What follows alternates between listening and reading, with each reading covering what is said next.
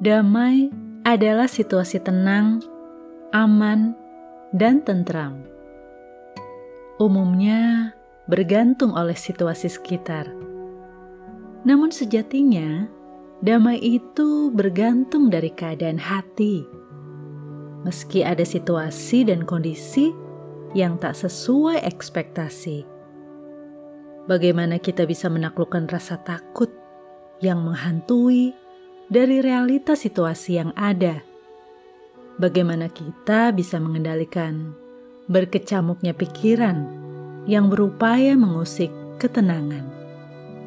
Bergantung dari apa yang kita percaya, pada siapa kita berharap.